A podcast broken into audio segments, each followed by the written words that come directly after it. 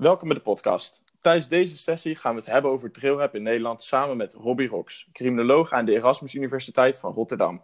Robbie is een universitair docent bij de sectie criminologie en in 2016 gepromoveerd op zijn onderzoek naar de Haagse Rolling 200 Crips, een gang die vanuit Amerika overgewaarde cultuur overnam in Den Haag. Op dit moment doet hij samen met zijn collega Jeroen van den Broek onderzoek naar het verband tussen drillrap, social media en steekincidenten, in opdracht van de gemeente Rotterdam. Nou, welkom Robbie. Dankjewel. Um, nou, voor mijn uh, minor, de staat in de wereld, uh, die ik doe aan de Hogeschool Utrecht, doe ik een kleinschalig onderzoek naar de invloed van drillrap op jongeren. Uh, drillrap ontstond in 2010 in het zuiden van Chicago en is in het, via het Verenigd Koninkrijk een jaar of drie geleden min of meer overgewaaid naar Nederland. Wanneer en hoe ben jij in aanraking gekomen met drillrap? Uh, eigenlijk al tijdens mijn, uh, mijn veldwerk, waar je net ook al naar verwees, tijdens mijn onderzoek naar de, naar de Haagse Crips. En dan niet zozeer met uh, Nederlandse drill, maar wel met de opkomst van ja, echt de Chicago drill. Hè, met mensen als Chief Keef en Lil Durk en eigenlijk die hele 300 beweging ja. daar. En ik merkte dat waar die oudere leden van de Crips vooral geïnteresseerd waren in die gangsterrap ja, uit de, van de West Coast. Hè, dus ja, NWA, Snoop Dogg, dat, soort, dat soort mannen dat yep. de jongere generaties eigenlijk uh, vooral ja, geïnteresseerd waren en beïnvloed werden door die drill scene uit, uh, uit Chicago. Dus dat is okay. eigenlijk een beetje toen ook, hoe ik daarmee in aanraking ben gekomen. Ik denk 2000, uh, ja, 2012 of zo. Um, ja, ik denk dat dat het moment was. En wat vind je zelf eigenlijk van de muziek los van het geweld wat het met zich meebrengt? Ja, ik ben een grote liefhebber van, van hip-hop. Um, yeah.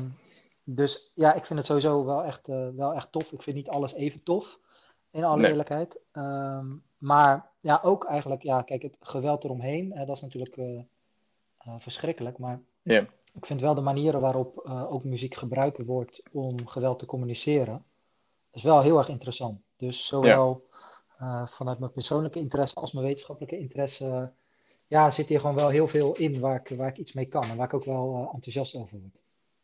Ik hoorde net dus ook al zeggen, inderdaad, Chief Keef, Lil Durk. Uh, het zijn best wel grote namen, vooral in, inderdaad rond 2012. Uh, ja, vind je die artiesten zelf dan ook heel tof, die Chief Keef en Lil Durk? Of? Nou, ik moet zeggen dat, dat, dat Chief Keef natuurlijk wel, maar met name omdat hij zo ontzettend viral ging uh, ja. in die periode. en ook die beef die hij had met Lil Jojo, wat ook voor ja. een deel via social media breed uitgemeten werd. daar zie je dus eigenlijk weer dat, dat soort van mijn persoonlijke interesse en en de wetenschappelijke of de criminologische interesse ja, best wel aan elkaar raken. Uh, ja. Dus dat is zeker wel iets wat ik interessant vind. Ja, zeker Chief Keef in het begin was natuurlijk wel echt heel erg tof. Maar ik kan niet zeggen dat ik uh, uh, echt zijn hele muzikale output sindsdien ook helemaal gevolgd heb. Nee, dus niet in, in de vrije tijd dat je, dat je heel vaak zijn album opzet of Find nee, the Rich. Of... Nee, precies. Wel, wel eens. Ja, Find, ja. Find the Rich zou nog best wel kunnen. Ja, ja. Dat, wel, dat is natuurlijk wel echt een classic. Ja, en ook wel die, die laatste Lil Durk, die heb ik ook wel gecheckt. Um, ja. Dus ja, ik volg het wel. Maar het is niet Ja, zeg tof. maar, mijn, mijn go-to uh, uh, ja, hip-hop. Nee, en wat, en wat, zou dan wel, wat zijn dan wel jouw go-to artiesten? Bijvoorbeeld, wat zijn je favoriete twee, drie artiesten? Ja, ik Van vind, dit moment? lastig, omdat ik eigenlijk, ik luister ook heel veel Nederlands. eh, eigenlijk vaker luister ik meer Nederlandse eh, rap dan, eh, dan Amerikaanse eh, dingen. Maar als ik, ja, ik zit nou laatste weken weer een beetje in mijn eh, Joe Budden eh bag. Omdat ik, Ja, die, ja. die podcast vind ik, die podcast vind ik heel erg tof. Eh, Mhm. En om die reden ja, ben ik dat ook weer een beetje aan het, aan het checken. Ja, Oké, verder, nice. ja, het loopt echt best wel. nee, het gaat echt allerlei kanten op. Dus in Nederland luister ik echt van alles. En eigenlijk alles wat er gewoon wekelijks uitkomt via Spotify probeer ik te checken. En er zijn gewoon mensen die, die, ja, die gewoon tof zijn. Dus ja, Drake is natuurlijk als poppy-keuze wel goed. Maar ik luister ook echt wel veel oude, oude dingen. Dus ik heb een tijdje geleden ook weer zo'n hele Wu-Tang eh, week gehad. Oh ja. Ja, Dus eigenlijk, ja, ik ga, verschillende, ik, verschillende ik, vibes. ik ga echt alle kanten op, inderdaad, wat dat betreft. Nou, vet. Ehm, je hebt een aantal jaar geleden dus onderzoek gedaan naar de Haagse Crips. Eh, wat maakt drillmuziek, eh drillrap eigenlijk anders dan de gangsterrap die die jongens maakten? Ja, daar zitten denk ik een aantal verschillen. Eén is muzikaal, dus als je ernaar zou luisteren, dan is die gangster rap die de Crips maakten wel echt die West Coast, die G-funk eh, eh, Ja. invloed. En dus ook het aantal BPM en zo. Eh, muzikaal gezien zit er gewoon een belangrijk verschil met de drill. Ehm, en, en ik zou ja, thematisch ontloopt het elkaar niet heel veel, zou ik zeggen. Dus het zijn best wel vergelijkbare onderwerpen die aangesneden worden. Ehm, alleen wel op een iets andere manier. Het gebruik van de slang die ze hebben overgenomen uit de Verenigde Staten is ook uh, is hetzelfde. Alleen de manier waarop dat tot uitdrukking komt is wel anders. Maar je ziet dat ze, ja, dat zie je nu in Nederland uh, ook rondom uh, Shanks en, en, en cheffen en dashen. Um, heel veel van die termen die gewoon rechtstreeks uit de UK street slang ja, komen. Precies. Die ze overnemen. En dat, dat, zie je, dat heb je, zag je bij de Crips eigenlijk ook. En dus heel veel van die Ja. specifieke ja, termen, hè, de manier waarop ze zich verhouden tot de buurt waar ze, waar ze uitkomen.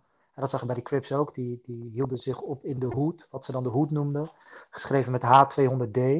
Ja, diezelfde manier Mhm. van het claimen van. En dat was dan niet zozeer een postcode claimen, zoals je nu wel ziet bij hè, 24 en bij, bij, bij 73 en bij 34. Weet je wel, al die postcodes die de jongeren Ja, ja. eh, wild om zich heen eh, slingeren. En dat zag je daar ook wel, maar op een iets andere, iets andere wijze. Dus er zitten heel veel eh, overeenkomsten eigenlijk. En je zou bijna kunnen zeggen dat die drillrap een beetje de tweede golf is van de mondiale verspreiding van gangculturen.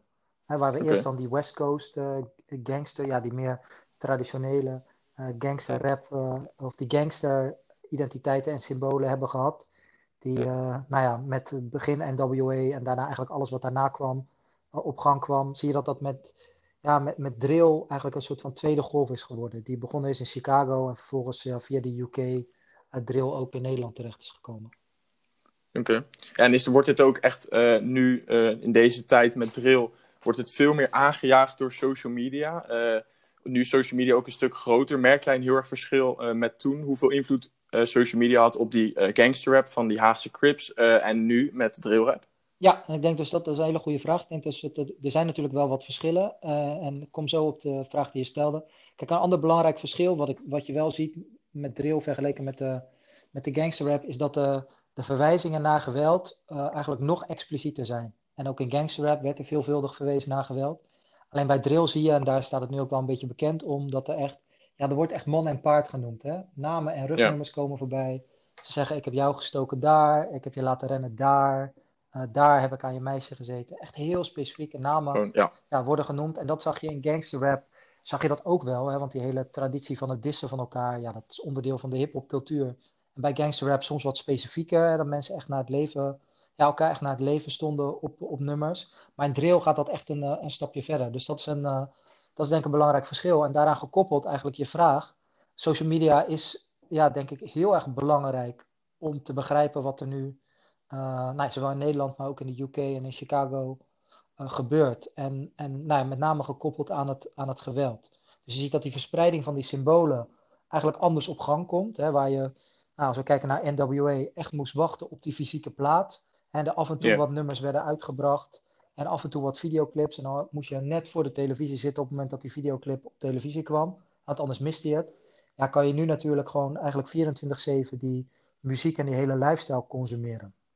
Dus ja. en, dat, en voor de verspreiding van, van dit soort stijlen en identiteiten, ja, dat, dat, dat maakt wel een verschil. Dus je ziet dat jongeren ja. ja. heel snel eigenlijk beïnvloed worden door trends die zich in andere delen van de wereld uh, uh, voordoen. Uh, ja. Dus dat, dat is een verschil. Maar ook de manier waarop geweld gecommuniceerd wordt in de muziek en op social media, eigenlijk ja, rondom die muziek, um, is ook een heel belangrijk verschil met hoe het, hoe het was, want dat zag je daar eigenlijk ook niet. Uh, en, de, en dat is met name ook best wel explosief. En dat is wel iets waar ik me. Nou, de, waar mijn wetenschappelijke interesse naar uitgaat, maar waar ik ook wel wat zorgen over heb. Vooral omdat we daar gewoon nog heel weinig over weten, hoe dat precies werkt. Ja, ja. ja het is dus eigenlijk, uh, zoals in de media ook al vaak wordt gezegd, eigenlijk een beetje het, uh, de daad bij het woord voegen. Wat bij drillrap heel erg gebeurt. Ja, maar, maar dat, is, dat is dus een van de dingen die ik me, die ik me afvraag. Want er wordt, en, dat, en dat, is ook, dat is eigenlijk hetzelfde als in de gangsterrap cultuur. Er wordt vele ja. malen meer geweld gecommuniceerd dan dat er door de jongeren gebruikt wordt. He, dus geweld is een prominent thema in gesprekken die ze voeren, in muziek die ze luisteren, he, in hun alledaags leven. En rakelen ze ook allerlei dingen op die ze eerder hebben gedaan. Alleen, ja, dat staat wel in schril contrast tussen de hoeveelheid fysiek geweld dat, dat daadwerkelijk plaatsvindt. He, dus er worden yeah. lang niet zoveel mensen geschenkt als dat er wel wordt beweerd in de, in de van, van, van drillers. Ja. Ehm, Oké, ja, inmiddels ben je dus ook gestart met het onderzoek naar drillrap. Als ik het goed heb, februari ben je ermee gestart? ja, volgens mij januari eh, zelfs ietsje eerder. Ja, januari, februari. Eh, zou je misschien even heel kort willen uitleggen wat het onderzoek eigenlijk precies inhoudt en waar je op dit moment eh, een beetje mee bezig bent? Ja, nou eigenlijk naar aanleiding van de media-aandacht rondom drill aan het eind van 2019 eh, kwamen Jeroen, Jeroen van der Broek en ik tot het idee dat nou, in plaats van dat de allerlei slimme en minder slimme mensen in de media iets vertelden over wat zij zagen rondom drill en de relatie met geweld, en dat het belangrijk was dat daar eens ja, wat systematischer wetenschappelijk onderzoek naar werd verricht. En zo zijn wij in contact gekomen met de gemeente Rotterdam, die een aantal echt nadrukkelijke zorgen had op dit gebied. En gekoppeld aan een aantal incidenten eh, eind 2019. En hebben wij een offerte opgesteld eh, om onderzoek te gaan doen naar dit fenomeen. Met name naar de aard en de omvang van ja, de steekincidenten en de rol, of eigenlijk de relatie met social media en drillrap. En dat bestaat eigenlijk uit ja, vier centrale componenten. Ons ja, best wel kortstondige en kleinschalige onderzoek. Eén, dat is een eh, literatuurstudie. Dus hè, gewoon eens eventjes bij elkaar nemen wat daarover is geschreven.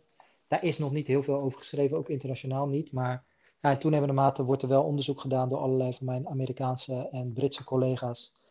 eh, naar nou, straatcultuur op social media eigenlijk. En ook de digitalisering van allerlei eh, ja, conflicten in de stedelijke context. Dus dat is de eerste stap. De tweede stap is omdat er veel werd geroepen over de toename van dit soort steekincidenten. Dat wij dachten dat het ook wel eens goed zou zijn om eens te kijken naar wat laat de geregistreerde werkelijkheid nu zien. Hè? Dus wat zien we bij politie en justitie nu? Zien we inderdaad Ja. die stijging ook terugkomen? Nou, dat, dat wilden we eind 2019 gaan doen. En toen, volgens mij ergens in februari of maart, kwam de politie Rotterdam zelf al met een aantal eh, cijfers. eh, onder andere vanwege de druk, politieke druk. En die zeiden Ja. dat er een toename was van volgens mij 18 incidenten in 2018 naar, ik zeg uit mijn hoofd, 36 incidenten in 2019. Dus volgens mij bijna een verdubbeling. Ja. Ehm, nou ja, en, en dat wilden we dus eigenlijk in kaart brengen, wat langer terug in de tijd zelfs. Maar die gegevens bleken ja, heel moeilijk te reproduceren. Of eigenlijk, ja, die, die bleken heel moeilijk op boven tafel te krijgen, omdat de politie niet alles heel goed en systematisch eh, eh, rondom steekincidenten registreert. Dus wat we nu hebben gedaan, en daar ben ik gisteren eh, mee begonnen, is dat we toestemming hebben gekregen om die incidenten, waarin de media ook wel over wordt gesproken, dus die 18 en 36, of volgens mij zijn het de 17 en 36, ehm, of 17 en 38 of zo, in totaal zijn het er 55, om die eens wat, wat fijnmaziger te gaan bekijken. Hè, dus dus Ja. daarvan wordt gezegd in de media dat dat gaat over steekincidenten. En omdat die discussie heel vaak gaat over drill, lijkt dat gaan, te gaan over 55 incidenten die iets te maken hebben met drill. Terwijl, nou, we zijn daar pas net mee begonnen, maar een soort van hele eerste grove bevinding is dat dat maar in een heel beperkt aantal incidenten dat er echt een relatie lijkt te zijn met muziek. Oké, interessant. Ja, Ja, want ehm, in veel artikelen, eh, wat je dus online vindt in de media, eh, staat heel vaak van, ja, er is wel bekend eh, ongeveer hoeveel aantal ste- het aantal steekincidenten, eh, steekincidenten. Alleen, ook is er heel veel, wordt er geschetst dat er toch alsnog heel veel onduidelijk, onduidelijkheid is over wat het exacte aantal nou eigenlijk is. ja. Dus dat is altijd best wel een beetje onduidelijk wordt dat, eh, wordt dat gemaakt. En jullie zijn dus nu bezig, eigenlijk daarmee bezig om dat wat verduidelijking te geven. Ja, precies. Helemaal in relatie met de railroad. Ja, nou ja, en ook met alle mitsen en maren die daarmee gepaard gaan. Hè? Want één, niet altijd vraagt de politie, zeker niet in begin 2018, ja, door naar de relatie met drill. Of hebben ze daar, of hebben ze zeg maar de drill zien, of de onderlinge relaties tussen verschillende groepen in Rotterdam echt goed, eh, goed in beeld.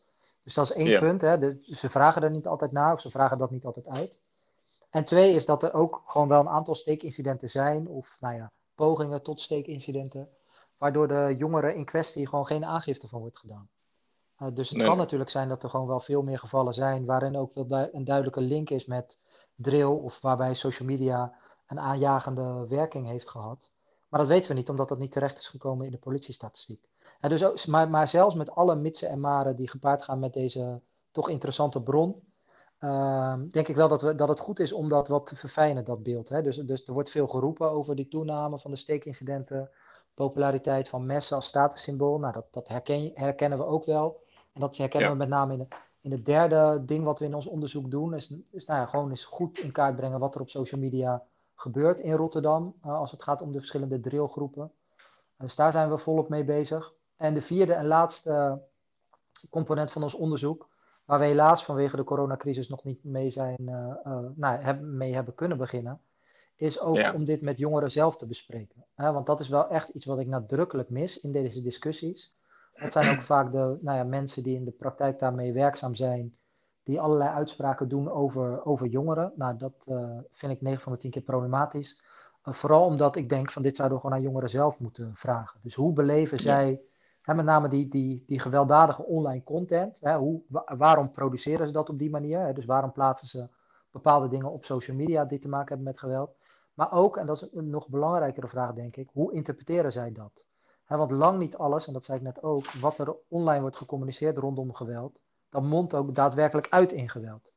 Ja, dus ja, ja. Want ook in een uh, interview met de criminoloog gaf je aan dat je vooral bezig wilt zijn met uh, kwalitatief onderzoek. Zoals je net al aan zei, of zoals je net al zei, wil je eigenlijk ook vooral met die jongens in gesprek.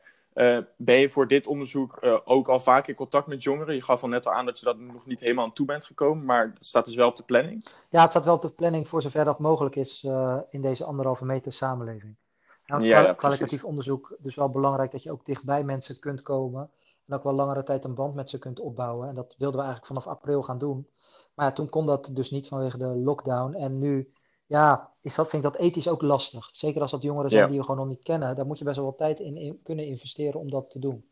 Dus wat we wel gaan doen is nadenken, of wat we eigenlijk aan doen zijn, is over ja, een soort van digitale varianten van de dingen die we wilden gaan doen. Dus we wilden een aantal focusgroepen doen met jongeren.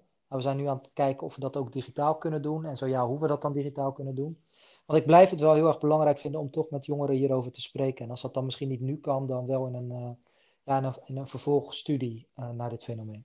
Ja, want ik kan me ook wel voorstellen dat uh, die jongeren die jij wilt spreken, dat die ja, soms wel lastig te benaderen zijn. En ook voor dat soort focusgroepen, dat ze daar eerder misschien niet aan mee zouden willen doen dan wel. hoe, zou, hoe, hoe, hoe, zou je hiermee omgaan? Ja, ik, ik weet niet of dat per definitie uh, waar is. Dat is wel een beetje het beeld wat er bestaat. Hè, als het gaat om, om de wat moeilijkere doelgroepen, ook in de criminologie, dat die niet met je zouden willen praten.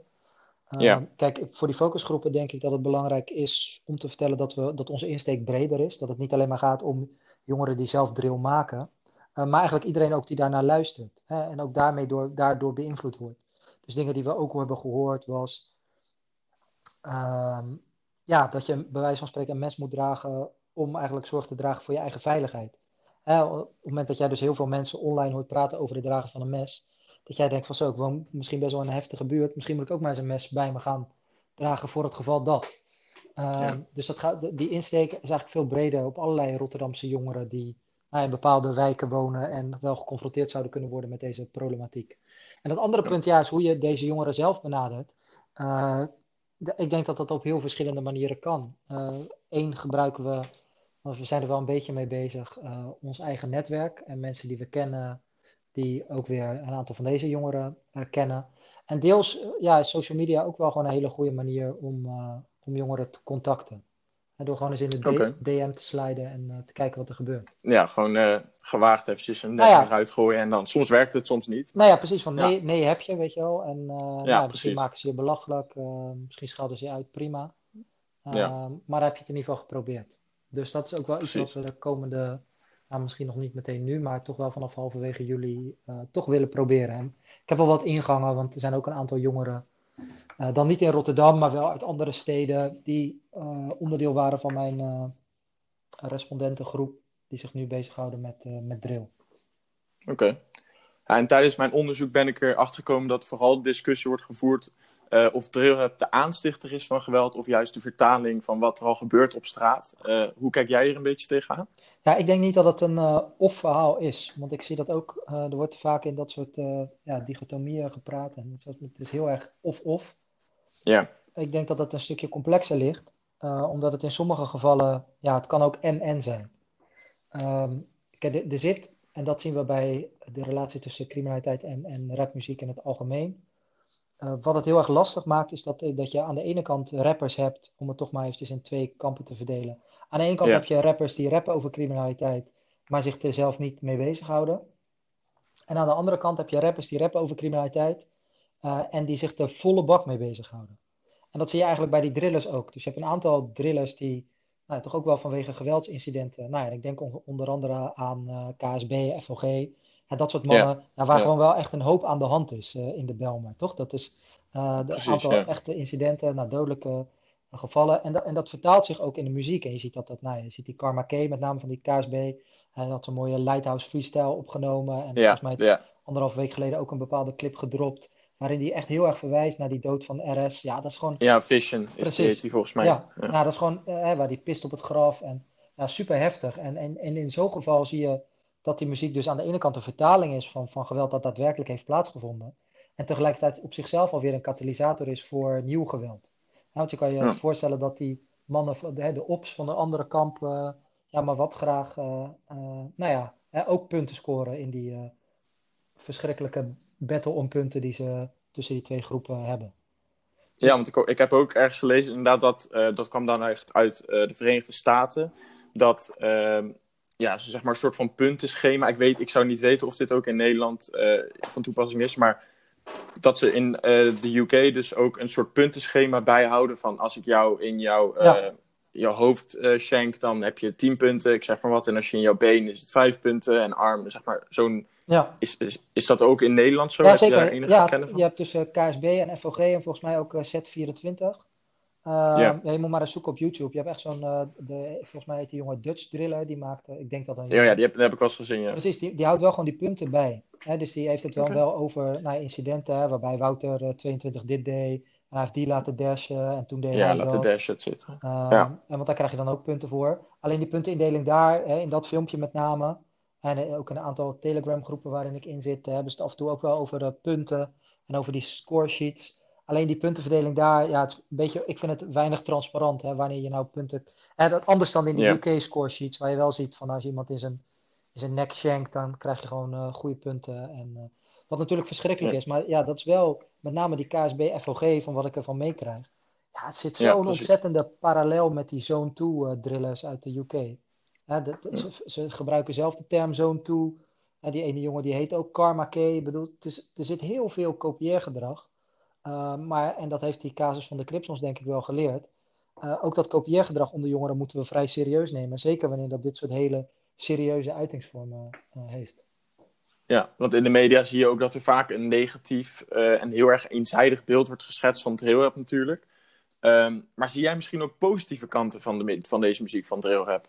Nou ja, kijk, ik, ik denk het. Ja, ik, ik herken dat beeld. Hè. Het is heel erg, heel erg negatief. Eigenlijk alles wat, over rap, wat met rap te maken heeft, daar heeft de media de neiging. En de laatste weken Paul Vugts in het bijzonder. Uh, om daar de negatieve kanten uh, van te belichten. Maar ik denk dat dat, dat, dat, dat het juist ook wel een van de problemen is. Hè. Dus er is ook wel een, een, iemand uit de UK, een criminoloog, die heeft beschreven, of die beschrijft eigenlijk heel mooi over hoe dat bepaalde, ja, zeg maar, problemen die er in de bredere samenleving zijn, eigenlijk reproduceren. Dus zeg maar in de negatieve aandacht voor drill zie je eigenlijk ook de negatievere aandacht voor bepaalde groepen uh, in de samenleving uh, door, door, door ja, eigenlijk terugkomen.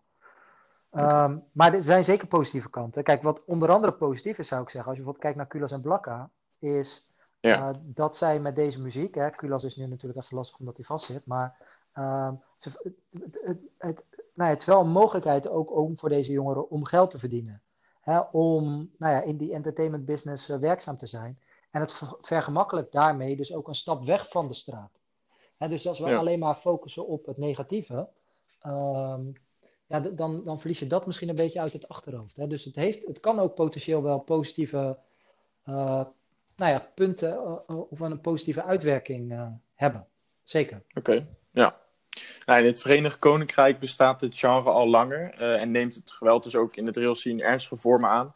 Uh, om escalatie te voorkomen is drillrappers verboden om bepaalde woorden te gebruiken die populair zijn in de muziekstijl. En ook moesten videoclips offline gehaald worden. En die zijn allemaal offline gehaald door de politie. Um, toch zijn er vorig jaar al meer dan 50 jongeren om het leven gekomen. Dit zijn wel redelijk heftige ontwikkelingen. Uh, vind je dat we in Nederland ook dit soort maatregelen moeten nemen? Nee, dat zou ik zeggen van niet. Want dat zijn uh, ja, van die overdreven uh, draconische maatregelen. Uh, die één, ja, waarvan ik me afvraag of die effect hebben. En inderdaad, als je kijkt naar de UK, dan zie je dat er nog steeds flink wat geweld is. Maar twee, ja, ja het is ook weer de vraag, hoe effectief is dat? Hè? Dus als jij bepaalde woorden niet mag gebruiken, ja, dat maakt het toch alleen maar juist tof om die woorden dan te gebruiken. Uh, ja. En plus, ja, ik vraag me altijd af hoe ze op die social media platforms, bijvoorbeeld YouTube, hoe ze dat op een goede manier uh, kunnen gaan, uh, hoe ze daar toezicht op kunnen houden. Hè? Want ze kunnen inderdaad ja, keihard uh, clips verwijderen, maar zij kunnen ja, jongeren kunnen sneller clips online plaatsen dan dat de autoriteiten clips kunnen verwijderen. Plus je hebt een heel ja, systeem in WhatsApp-groepen en Telegram-groepen en op eigenlijk allerlei manieren waarop jongeren die, die video's toch wel delen.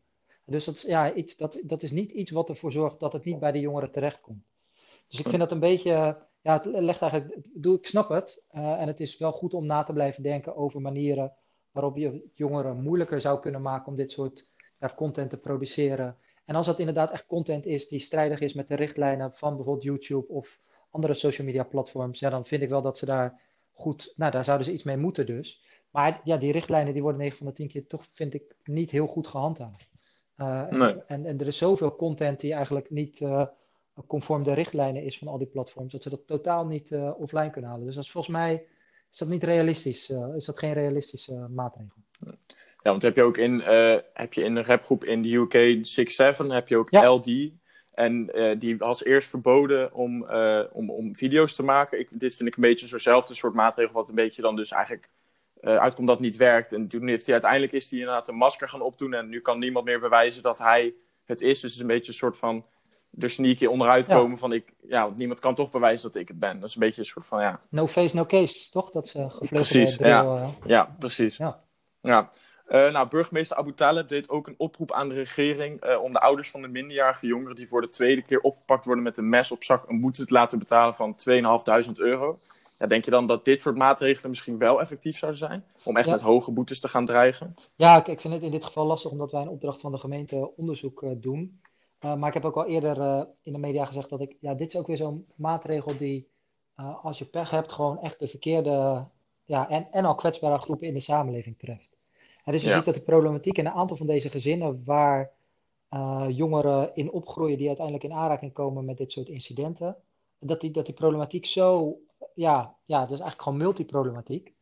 Uh, dat het op deze manier bestraffen van ouders, uh, waar wel de beste bedoelingen van de burgemeester achter zitten, ja. volgens mij eigenlijk alleen maar averechts zouden gaan werken. Hè? Dat zijn gezinnen die misschien die 2500 euro gewoon al niet kunnen missen. Nee, precies. waarbij nee. ze gewoon misschien nog meer of dieper de problemen indrukt dan dat je eigenlijk zou willen. En dat eigenlijk, ja, en dat, dat zie je in een aantal gevallen natuurlijk ook wel, dat, dat die omgevingen om die jongeren heen, dus met name die, dat gezin, helemaal niet in staat is om ja, daar op een effectieve manier op, uh, op te reageren. Dus ze hebben eigenlijk maar heel beperkt invloed. Dus dan zou je ze eigenlijk, op, ja, zou je ze eigenlijk daarvoor uh, gaan straffen. Oké, okay, ja. En ook Femke Halsema, burgemeester van Amsterdam, die zei in een bijeenkomst uh, Amsterdam Zuidoost, na volgens mij het incident uh, rondom J-ronde uh, Grootvaam, als ik het goed zeg. Mm -hmm. dat je in de problemen eigenlijk niet oplost door drill te verbieden. Uh, zij ziet het meer als een signaal dat jongeren het zwaar hebben. Dus echt als een roep om hulp. Ik denk dat dat, dat misschien dan een, waar jij meer de visie, deze visie iets meer deelt. Ja, dat is wel meer, zeg maar, wat, wat, kijk, en dat betekent niet dat je niks moet doen, hè? laat maar wel duidelijk zijn. Maar nee. ik, ik, zou, ik zou ook eerder zeggen van, er is echt wat aan de hand in, nou ja, in, in grote delen van, uh, van Nederland, met name in de grote steden, Rotterdam, Amsterdam, eigenlijk al die plekken waar je wel die drill ziet, ziet ontstaan. En dat in sommige gevallen wel, ja, in die zin, een, een, vertaling van de, van de problematiek die zich in die wijken daar voordoet. En niet, niet, ja. niet misschien zeg maar een één op één vertaling en ook niet met al het geweld op die manier. Maar het zijn wel jongeren die nou ja, echt met problemen zitten in thuissituaties, waar, waar armoede is, waar problemen op school zijn, waar de problemen zijn met uh, nou ja, groepen die zich uitgesloten voelen. Dus er is echt wel iets aan de hand. En, en juist door zo heel repressief te reageren op dit soort ja, fenomenen uh, en niet de aandacht te richten op andere fenomenen die ook wel gewoon problematisch uh, zijn. Hè? Dus zeg maar een voorbeeld, wat, wat ik echt een mooi voorbeeld vind uit de Verenigde Staten. Er is een man, Forrest Stewart, uh, die heeft een aantal maanden geleden een boek uitgebracht, Ballot or the Bullet. En dat, daar heeft mm -hmm. etnografisch onderzoek gedaan naar drillers in Chicago. En die schrijft dat met name in de VS het heel vreemd is dat, dat, dat politie en eigenlijk alle uh, ja, law enforcement agencies volle bak actief zijn en, en social media afstruinen naar, naar zwarte jongens met wapens. Terwijl er ook allerlei pagina's zijn waarop witte jongens uh, met wapens te vinden zijn. Maar dat dat ja, dan als niet zo problematisch wordt ervaren. Hè, dat past nee, ook eigenlijk dan heel goed in de Amerikaanse uh, cultuur. Uh, ja, als je het zo mag zeggen. nou ja, precies. Ja, nee, maar goed. Dat, uh, uh, en, en, ja, goed, in, in, Nederland is dat natuurlijk niet op die manier, maar nee. wapens vinden we sowieso problematisch. Maar het is wel, ja, ik vind het wel heftig dat, er zo, dat dit zo dat, dat dit tot zo'n groot probleem wordt gemaakt ook. Hè? Want als je het aantal... Ik bedoel, er is echt wat aan de hand, hè? begrijp me niet verkeerd. Maar soms is die, die, die aandacht hiervoor wel... Ja, misschien... Nou ja, eigenlijk een beetje... Nou, overdreven zou ik niet willen zeggen, maar... Het is misschien wel wat overtrokken soms. Ja, er wordt misschien iets, ja, heel erg de nadruk gelegd op ook inderdaad heel erg het negatieve. En misschien ook, nou, niet, weet niet of het zomaar zeg maar uit, uitvergroot misschien. Nee, maar, uh... maar dat, dat mag je zeker zeggen. En dat is volgens mij ook het goede woord in dit geval. Hè? Je ziet zo'n zo'n uitvergroting. En je ziet dus ook dat allerlei incidenten, en dat merken we nu in dat, dat die, registra die politieregistraties ook, allerlei incidenten waar sprake is van, van een steekincident, worden nu gerelateerd aan drill. Ja, en dat, dat, is volgens mij niet wat, uh, uh, nou ja, wat, wat, we zouden moeten willen met z'n allen. Want, nee. want, dan krijg je echt een overtrokken en ook wel een uitvergrote reactie op, uh, op ja, iets wat wel echt een probleem is en ook wel ja, bij allerlei mensen in de veiligheidspraktijk voor zorgen zorgt. Ja. In, een artikel van het NRC vertelde u dat je verwacht om in september uh, de resultaten en aanbevelingen klaar te hebben voor de gemeente. Zo dacht je bijvoorbeeld na over een speciaal lespakket over rap en social media voor jongeren. Hoe zie je deze en misschien ook andere oplossingen een beetje voor je? Ja, dat zijn dus een van de dingen die, uh, waar we in ieder geval over na hebben gedacht. Uh, want je, en dat, dat slaat een beetje terug op wat ik net zei over er zijn heel veel jongeren, ook in Rotterdam, die opgroeien. Um, waar, waar de mensen om hen heen ja, niet zo'n hele, ja, niet altijd een hele ja, goede impact op hun gedrag kunnen hebben. En waarbij ze dus eigenlijk, om het zeg maar, wat concreter te maken, niet altijd geleerd wordt dat, dat, dat wat ze zien hè, in films, maar dus ook in deze videoclips, dat dat per definitie echt is. Uh, en dat dat dus ook misschien niet zo stoer is als dat, het, uh, als dat zij het misschien wel vinden. Dus als je op die manier die begeleiding vanuit thuis of vanuit je nabije omgeving niet meekrijgt, dan is de school natuurlijk een prachtige plek om het juist eens daarover te hebben met z'n allen. Ja, zeker. En, dus, dus dan zou het dus vooral moeten gaan. Nou, onder andere wat ik net ook zei, met, met dat jongeren wel aangeven. Uh, ik heb het gevoel ik moet, dat ik een wapen moet dragen omdat ik in een onveilige buurt uh, uh, woon of loop. En omdat ze dat hebben, dat hebben gezien. Ja, kijk, als iedereen op die manier denkt, dan krijg je een hele een vervelende situatie. Dus als jij op een of andere manier met een lesprogramma zou kunnen, nou die bewustwording dat lang niet alles wat er daar gezegd wordt uh, ook echt is, wat heel veel jongeren trouwens ook wel gewoon weten, waar ze juist ook op social media ontzettend mee aan het spelen zijn, uh, denk ik dat het wel heel interessant is om dat, uh, ja, om, om dat wat beter uit te denken en dat daar ook wel, dat hebben we met name bij de veiligheidsprofessionals ook teruggehoord in ons onderzoek, ook wel echt behoefte aan is. Uh, dit soort discussies met jongeren over ja, wat zij zien online, hoe zij dat interpreteren, uh, om ze op die manier iets meer begeleiding te geven. Ook in, ja, in wat zij zelf online plaatsen, wat zij van andere mensen online zien en hoe ze daarop reageren. Ja, dat klinkt heel veelbelovend. Uh, dat was het hem. ik wil je heel erg bedanken voor je deelname aan deze podcast. Ja, graag gedaan. nou, ook wil ik je super veel succes wensen met het onderzoek en ben ik heel erg benieuwd naar de uitkomst. En ik ik zal naar gaan kijken. ja.